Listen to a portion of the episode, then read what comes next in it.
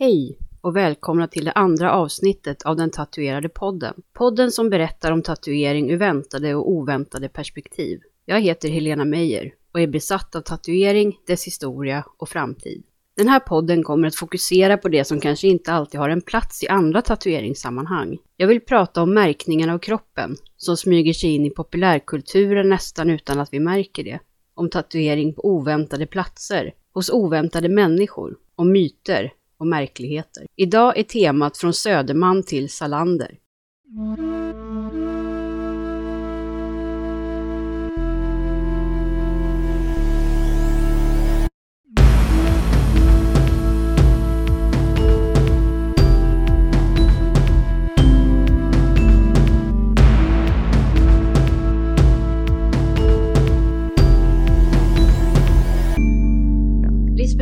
Lisbeth Salander och Mikael Blomqvist är två välkända karaktärer i Stig Larssons trilogi om Millennium. Utan att bli för långrandig kan berättelsen beskrivas som att journalisten Blomqvist får ett uppdrag av den pensionerade industrimagnaten Henrik Wanger att klara upp mordet på hans älskade brorsdotter Harriet.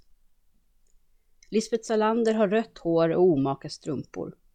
Hon färgar håret svart, är piercad och tatuerad, omyndigförklarad och egensinnig. Som så många andra tatuerade kvinnor i populärkulturen är hon brutal och våldsam, även om hon också drivs av ett rättspatos. Mikael Blomqvist är en grävande journalist som har gjort bort sig och dömts för förtal. Eftersom han heter Karl och är nyfiken och enveten har han fått öknamnet Kalle Blomqvist. Harry Söderman föddes 1902 och blev med tiden en både känd och ökänd kriminaltekniker. Efter att han hade doktorerat på ballistik under ledning av den legendariska Edmond Locard fick han smeknamnet Revolver-Harry. Vem var Revolver-Harry? Varför är han intressant för en podd om tatuering? Leif GW Persson har beskrivit honom som större än livet självt. Världens främste detektiv, Sveriges första kriminalist, utbildad ingenjör, kemist och kriminaltekniker. Han var också mannen som reste runt Asien på cykel. Harry Söderman var mångsidig, begåvad och hyllad. Han utvecklade ett intresse för kriminella miljöer och de kulturella uttryck som kunde vara knutna till dessa. Däribland könsöverskridande identiteter och tatuering. Var intresset rent yrkesmässigt eller sträckte det sig längre än så? På Riksarkivet i Stockholm finns Harry Södermans familjearkiv. I tre volymer finns material med koppling till tatuering och tatueringskonst. Det är många fotografier. Flera av dem föreställer celebriteter i tatueringsvärlden. Charlie Wagner är ett exempel. Det är i sig spännande och intressant, men arkivet innehåller mycket mer än så. Harry Söderman samlade på artiklar från både svensk och internationell press de flesta från 1920 till 50. Bland mycket annat finns en följetong om en kvinnotatuerare från det lite ökända och för sin tid sexuellt utmanande magasinet London Life. Det finns också nyhetsartiklar och notiser om hur tatueringen når nya målgrupper, bland annat kvinnor. Harry Söderman diskuterade tatuering med andra. Bland annat med läkaren Johan Almqvist Almqvist är specialist på syfilis och arbetade under en tid på Stockholms besiktningsbyrå för prostituerade kvinnor, på Norrmalms klinik för män med könssjukdomar och på Sankt Görans sjukhus. Två nya professioner som steg fram vid tiden för sekelskiftet 1900 var kriminalantropologen och läkaren. Läkaren var en social reformator som skulle vara delaktig i frågor som rörde allt från sjukdomar och hygien till trångboddhet, uppfostran och brottslighet. Något annat som började användas runt sekelskiftet 1900 var begreppet kriminalpolitik. Synen på relationen mellan samhälle och stat förändrades och kriminalpolitiken blev ett av många områden där en vilja att styra samhället visade sig.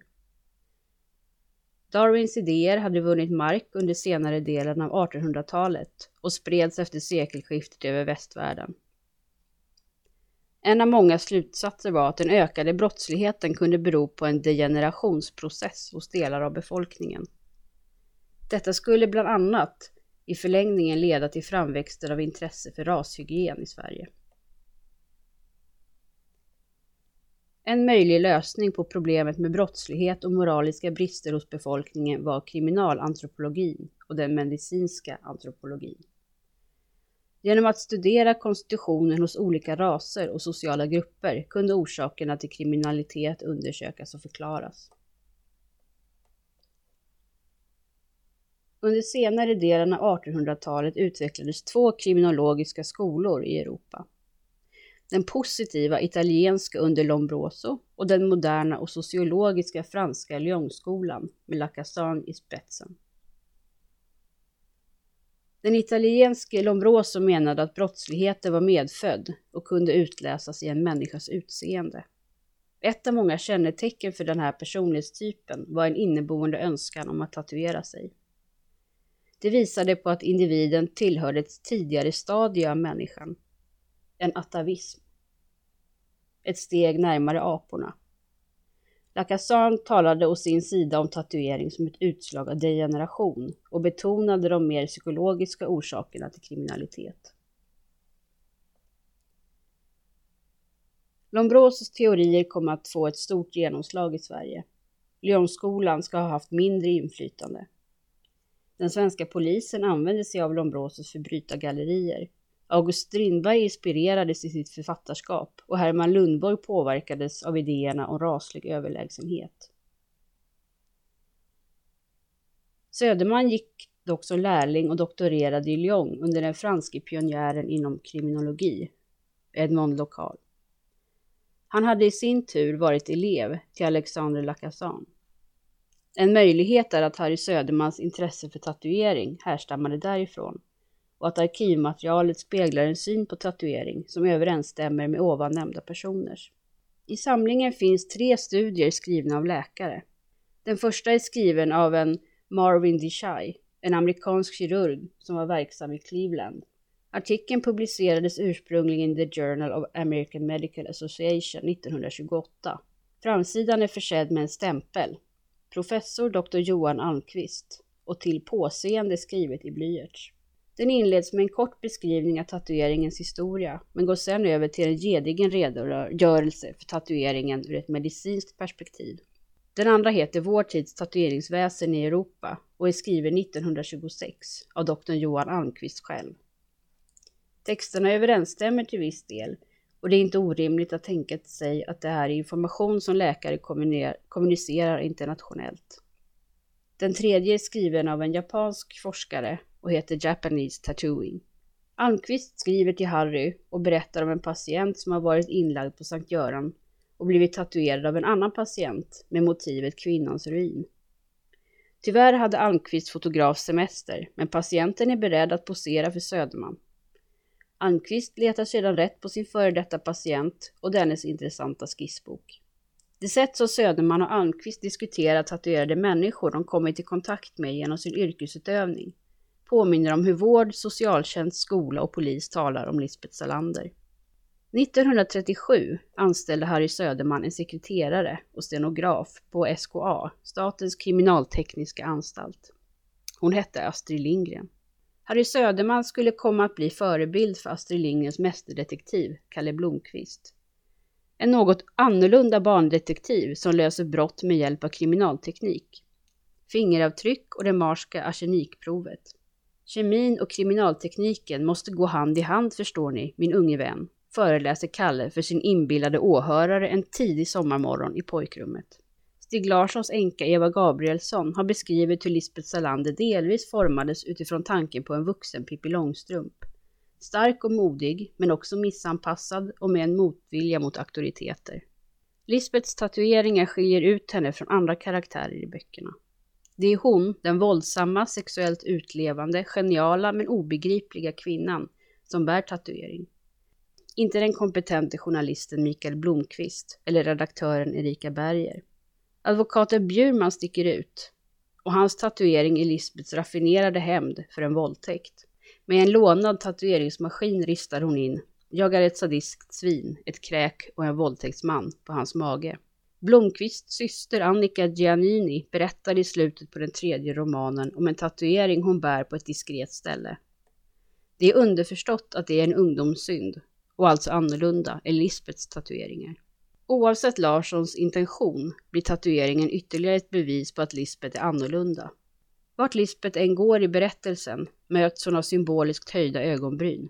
Henrik Wangers advokat, Dirch Frode, hennes chef, Dragan Armanski på Milton Security, Erika Berger, Anders Jonasson, läkaren som behandlar henne på Salgrenska.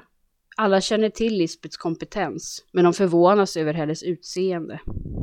De reagerar, framförallt på den stora draken som hon har tatuerad på ryggen. Det är tatueringarna som skiljer henne från de andra. Trots att det inte på något sätt var ovanligt med tatuering när böckerna skrevs.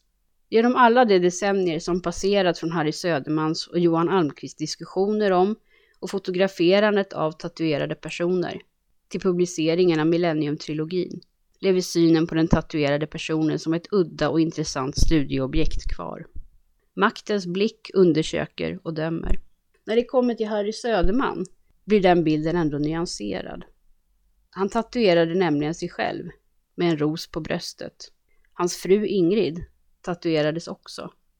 Eventuellt av Söderman själv. En ödla på foten och hans namn. Tatuering fascinerar fortfarande vården.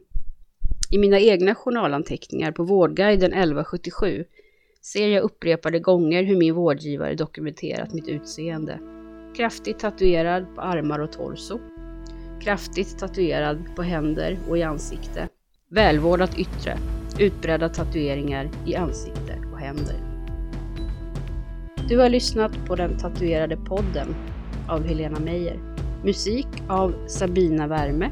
Klippning av mig själv.